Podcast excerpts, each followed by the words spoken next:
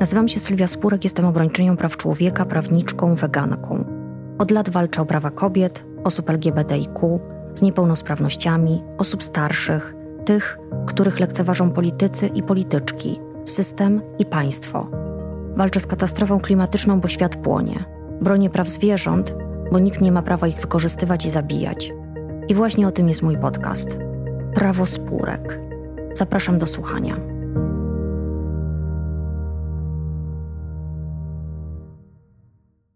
Walka o prawa kobiet w Polsce trwa od lat, mimo braku wsparcia ze strony większości polityków i polityczek, rosnącej siły przeciwników równości i wielu rozczarowań. Bo wiele kobiet, wiele osób i organizacji nie składa broni. Z dumą nazywają siebie feministkami i feministami, niestrudzenie działają na rzecz wszystkich kobiet w Polsce. Naszym obowiązkiem jest pamięć o ogromie pracy, która kiedyś została wykonana przez dzielne kobiety, dzięki którym mamy teraz m.in. prawa wyborcze. To smutne, że niektóre współczesne kobiety nie pamiętają, dzięki komu mogą pracować, studiować, podejmować aktywności społeczne, mieć prawo do majątku i głosu. Zawdzięczają to innym kobietom, które wywalczyły to dla nich ponad 100 lat temu, mimo że były wówczas narażone na szykany, wyśmiewane, mimo że im grożono. To, co im zawdzięczamy, wydaje nam się obecnie naturalne i oczywiste. Nie można zapomnieć, że stoi za tym czyjaś praca, tak jak nie można zapomnieć o pracy, która jest przed nami, by kolejnym pokoleniom kobiet równouprawnienie wydawało się oczywiste. I o naszej herstorii, ale także o tym, kto nas zawiódł, jest ten odcinek. O feminizmie usłyszałam na początku lat 90. i w nim znalazłam swój sposób na zmianę świata, z którym od zawsze było coś dla mnie nie tak, skoro kobiety nie są traktowane sprawiedliwie. Historia mojego zaangażowania to w znacznym stopniu historia polskiego aktywizmu na rzecz kobiet ze wszystkimi jego sukcesami i porażkami. Mam szczęście, bo od lat pracuję ze wspaniałymi osobami, kobietami i mężczyznami stojącymi po stronie kobiet Moja forma zaangażowania to właśnie praca. Bardziej niż protesty i manifestacje odpowiada mi regularna praca tam, gdzie udzielana jest pomoc, ale i gdzie tworzone jest prawo. Agnieszka Graf, z którą dzisiaj tak wiele mnie dzieli, napisała o mnie kiedyś w magazynie Zadra feministka urzędnicza. Bardzo lubię to określenie i używam go z dumą. W 1999 roku w Łodzi zaczęłam udzielać wsparcia kobietom doświadczającym przemocy. Od pierwszej chwili było dla mnie jasne, że przemoc oraz dyskryminacja kobiet to palące problemy młodej polskiej państwowości i niezbędna jest w tym zakresie konkretna, praktyczna pomoc. To wtedy zrozumiałam, że kluczem do pomocy jest brak oceny i osądzania kobiet, pokazywanie im, że są najważniejsze, a ich godność i bezpieczeństwo muszą być priorytetem Słuchałam okropnych, smutnych historii o przemocy, w których złymi bohaterami byli też niestety świadkowie, członkowie najbliższej rodziny, sąsiedzi i policjanci, którzy dla skrzywdzonych kobiet mieli lekceważenie zamiast empatii. Kiedy Izabela Jaruga-Nowacka została pełnomocniczką do spraw równego statusu kobiet i mężczyzn, ogłoszono otwarty konkurs na stanowiska pracy w powstającym wówczas biurze pełnomocniczki. Zgłosiłam swoją aplikację i dostałam pracę. Był to początek mojej działalności w administracji publicznej. Warto dodać, że ten rządowy organ funkcjonuje do dziś z różną skutecznością, w zależności od tego, kto piastuje ten urząd. Niestety nie wszystkie pełnomocniczki miały potrzebę zmieniania świata. Izabela Jaruga-Nowacka niewątpliwie ją miała. Za jej kadencji zapadła decyzja o opracowaniu pierwszego rządowego projektu ustawy o przeciwdziałaniu przemocy.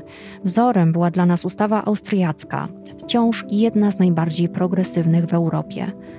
Poza tworzeniem przepisów towarzyszyłam Izabeli Jarudze-Nowackiej w spotkaniach politycznych i obserwowałam, jakie podejście do spraw kobiet i przemocy mają politycy i polityczki lewicowego w końcu rządu.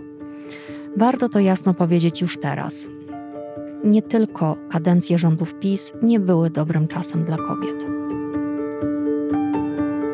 Ustawa o przeciwdziałaniu przemocy w rodzinie została przyjęta w 2005 roku, ale w radykalnie okrojonej formie. Z ambitnego, progresywnego dokumentu został ogryzek. Zabrakło kluczowego postulatu zapewnienia ofierze przemocy bezpieczeństwa za pomocą natychmiastowego policyjnego nakazu opuszczenia mieszkania przez sprawcę. Dopiero w 2010 roku wprowadzono niezależny od postępowania karnego nakaz opuszczenia lokalu, ale sądowy, a nie policyjny. I okazało się, że w praktyce wymaga on długiego czekania, średnio 143 dni, w czasie których nieraz dochodziło do kolejnych aktów przemocy, często wzmocnionych gniewem, wywołanym interwencją policji i dalszym postępowaniem pobita, zastraszona kobieta, która czeka pięć miesięcy na wolność, niezależność, bezpieczeństwo. Wyobraźcie to sobie. Smutne, ale prawdziwe jest to, że kiedy z premierką Izabelą Jarugą-Nowacką, a potem ministrą Magdaleną Środą tworzyłyśmy pierwszą w Polsce ustawę antyprzemocową, lewicowi politycy byli przeciwni wprowadzeniu policyjnego nakazu opuszczenia lokalu przez sprawcę przemocy. Argumentowali, a co z jego prawem własności? Gdzie on się podzieje? Zabrakło pytań. A co z kobietą? Co z dziećmi? Gdzie oni się podzieją? Jak oni mają żyć dalej z przemocowcem w jednym mieszkaniu? Pamiętam także, że w 2005 roku wszyscy głosujący posłowie i posłanki PO byli za odrzuceniem projektu ustawy o przeciwdziałaniu przemocy w rodzinie w pierwszym czytaniu. Razem z nimi PiS, Samoobrona i Liga Polskich Rodzin. To pokazuje, jak głęboko konserwatywne korzenie ma nasz parlament. Wiele z osób, które wtedy głosowały przeciwko kobietom, wciąż zasiada w sejmowych ławach i nierzadko wciąż blokuje rozpoczęcie równościowej rewolucji, a Polska zamiast w kulturze praw człowieka tkwi w kulturze przemocy. W tym samym czasie parlament nie wyraził również zgody na wprowadzenie ustawowego zakazu bicia dzieci tu argumentem było prawo rodziców do wychowania dzieci zgodnie z wyznawanymi przez rodziców przekonaniami. Politycy i polityczki odwoływali się do świętości rodziny, zamiast pochylić się nad dobrem dzieci, ich godnością, prawami człowieka. Znowu zabrakło woli politycznej, by chronić słabszych. Takie były czasy, chociaż teraz wielu wolałoby o tym nie pamiętać. Poza zainicjowaniem prac nad ustawą o przeciwdziałaniu przemocy w rodzinie, Izabela Jaruga-Nowacka była także autorką dużej nowelizacji kodeksu pracy dotyczącej przeciwdziałania dyskryminacji, w tym molestowania seksualnego. Podjęła też trudną politycznie decyzję o dofinansowaniu programu Niech nas zobaczą kampanii przeciw homofobii. W ten sposób w tamtych czasach nie zyskiwało się raczej politycznych przyjaciół. Magdalena Środa wywalczyła powstanie sieci wojewódzkich pełnomocniczek do spraw równego traktowania kobiet i mężczyzn, kontynuowała pracę nad ustawą antyprzemocową, ale przede wszystkim wprowadziła nowy język mówienia o kobietach i ich prawach do debaty publicznej i przesuwała jej granice. Kiedy byłyśmy razem na konferencji w Sztokholmie, powiedziała, że Polska ma problem z przemocą wobec kobiet, a katolicyzm nie wspiera tego bezpośrednio, ale też nie sprzeciwia się przemocy wobec kobiet. Było po tej wypowiedzi spore poruszenie, bo Kościół, tak jak rodzina, to dla wielu nienaruszalne świętości, ważniejsze niż bezpieczeństwo, zdrowie i życie kobiety. W 2005 roku do władzy doszło Prawo i Sprawiedliwość, a pełnomocniczką do spraw równego traktowania kobiet i mężczyzn została Joanna Kluzik-Rostkowska. Nie chciałam pracować przy zachowawczych projektach. Odeszłam do Departamentu Prawnego Kancelarii Prezesa Rady Ministrów. Realizowałam także karierę akademicką, wykładałam na Gender Studies Uniwersytetu Warszawskiego i PAN i pracowałam nad rozprawą doktorską. Naturalnie o przemocy, a konkretnie o izolacji sprawcy od ofiary. Doktorat obroniłam w 2012 roku. Warto przyjrzeć się historii stanowiska pełnomocniczki do spraw równego traktowania kobiet i mężczyzn.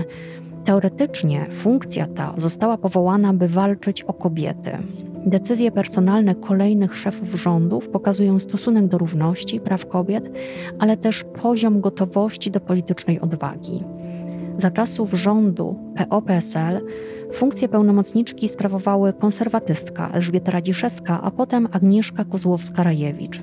Dopiero w 2014 roku, kiedy Ewa Kopacz zastąpiła na stanowisku Donalda Tuska, a pełnomocniczką została feministka, zawsze stojąca po stronie kobiet profesor Małgorzata Fuszara, przyszła nadzieja na zmianę. Nowa pełnomocniczka zaproponowała mi wtedy funkcję wicedyrektorki gabinetu i koordynację rządowych prac nad ratyfikacją konwencji stambulskiej. Nie miałam najmniejszej wątpliwości, co muszę zrobić, i w ciągu kilku tygodni dołączyłam do jej zespołu. Miałyśmy nadzieję, że konwencja to kamień milowy w walce o lepszy polski standard ochrony przed przemocą ze względu na płeć i przemocą domową. Pierwszym Ważnym, ale wtedy niedocenianym przeciwnikiem okazała się fundacja Instytut na Rzecz Kultury Prawnej Ordo Juris, utworzona w 2013 roku przez Stowarzyszenie Instytut Edukacji Społecznej i Religijnej imienia księdza Piotra Skargi. Ordo Juris zasypało wówczas polityków i polityczki, dziennikarzy, dziennikarki oraz inne osoby opiniotwórcze profesjonalnymi, dobrze przygotowanymi publikacjami krytykującymi konwencję. Konserwatywni eksperci przekonywali w nich, że konwencja uderza w polską rodzinę. Skoncentrowali się na terminie gender, któremu nadali nieprawdziwe znaczenie. Wydawało się, że takie działania nie mogą przynieść skutku, ale kilka lat później było widać, że nie doceniliśmy wówczas przeciwnika. Rada Europy nie reagowała, zabrakło również kontry ze strony rządu. Profesorka Fuszara przygotowała notatkę o mitach na temat konwencji, ale to było nic w obliczu działań Ordo Juris, za którym poszły też inne konserwatywne organizacje. Powołany wówczas do życia termin ideologia gender wciąż jest niestety elementem dyskursu i narzędziem propagandy. Zanim Ewa Kopacz wznowiła pracę nad ratyfikacją konwencji, konwencja przeleżała dwa lata w. Tak zamrażarce. Premierem był wówczas Donald Tusk, który niedługo później został szefem Rady Europejskiej. Czy nie czuł, że brak działania jest w tym przypadku działaniem na niekorzyść tysięcy Polek? Trudno powiedzieć, ale nie ulega wątpliwości, że 8 lat rządów PO i PSL to dla praw człowieka czas zmarnowany. Gdy w 2007 roku PO objęła władzę, miała szansę wprowadzić równościowe, progresywne zmiany. Zrobiła z tym niewiele, chociaż po stronie plusów warto zapisać nowelizację ustawy o przeciwdziałaniu przemocy w rodzinie z 2010 roku. Samorządy otrzymały wtedy prorównościowe obowiązki, m.in. obowiązek uchwalania lokalnego programu przeciwdziałania przemocy w rodzinie oraz powołania tzw. Tak zespołów interdyscyplinarnych odpowiedzialnych za wsparcie osób dotkniętych przemocą. Praktyka wdrażania tych rozwiązań oczywiście wygląda różnie. Symbolicznym przykładem jest Zakopane, wciąż odmawiające uchwalenia programu. W 2010 roku nie wystarczyło jednak politycznej odwagi do wprowadzenia policyjnego mechanizmu natychmiastowej izolacji sprawcy od ofiary, jednego z fundamentalnych w nowoczesnym systemie ochrony kobiet przed przemocą. Musiałyśmy na tę zmianę czekać kolejne 10 lat. Po stronie minusów zapisać można więcej. Między innymi odsuwanie przez lata decyzji w sprawie wsparcia leczenia niepłodności nowoczesnymi metodami, w tym in vitro. Przyjętą ostatecznie na koniec kadencji przez PO-PSL ustawę o leczeniu niepłodności, razem z profesorem Adamem Bodnarem, ówczesnym rzecznikiem praw obywatelskich, zaskarżyliśmy od razu do Trybunału Konstytucyjnego, ponieważ przyjęte w niej rozwiązania odebrały kobietom, które nie pozostawały w związku małżeńskim, prawo do ich własnych zarodków, a tym samym często ostatnią szansę na urodzenie dziecka. Sprawy kobiet ewidentnie nie były tu priorytetem. Nie tylko kobiet zresztą. I uważam, że musimy o tym pamiętać. Niezależnie od tego, jak wiele osób w Polsce kibicuje demokratycznym partiom, uważam, że zmianę można budować na prawdzie, świadomości błędów i zaniechań.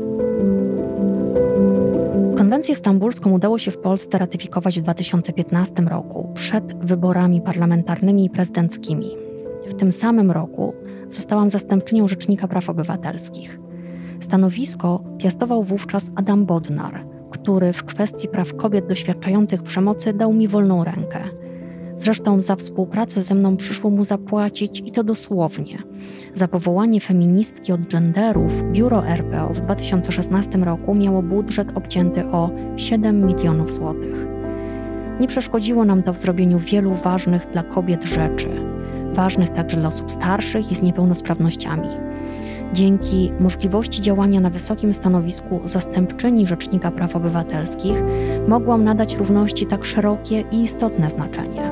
Przygotowanie wniosku do Trybunału Konstytucyjnego w sprawie ustawy regulującej in vitro, powołanie zespołu do spraw alimentów, wiele wystąpień do rządu w sprawie systemu przeciwdziałania przemocy wobec kobiet Pierwszy raport Biura Rzecznika Praw Obywatelskich oceniający fikcyjność działania tzw. Tak ustawy antyaborcyjnej, która zamiast gwarantować ograniczone prawa, przez lata, niezależnie od tego, kto rządził, sankcjonowała brak dostępu kobiet do legalnej i bezpiecznej aborcji, nowoczesnej antykoncepcji i edukacji seksualnej. To tylko przykłady naszych działań.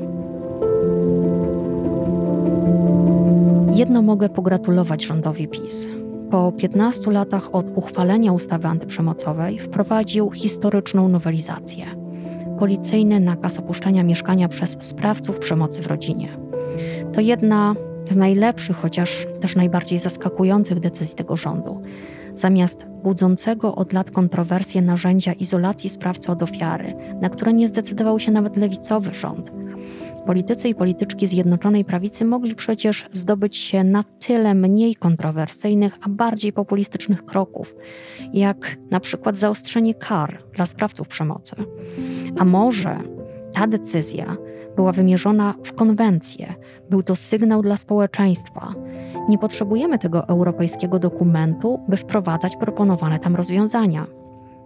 Trudno to jednoznacznie ocenić, nie można jednak nie docenić.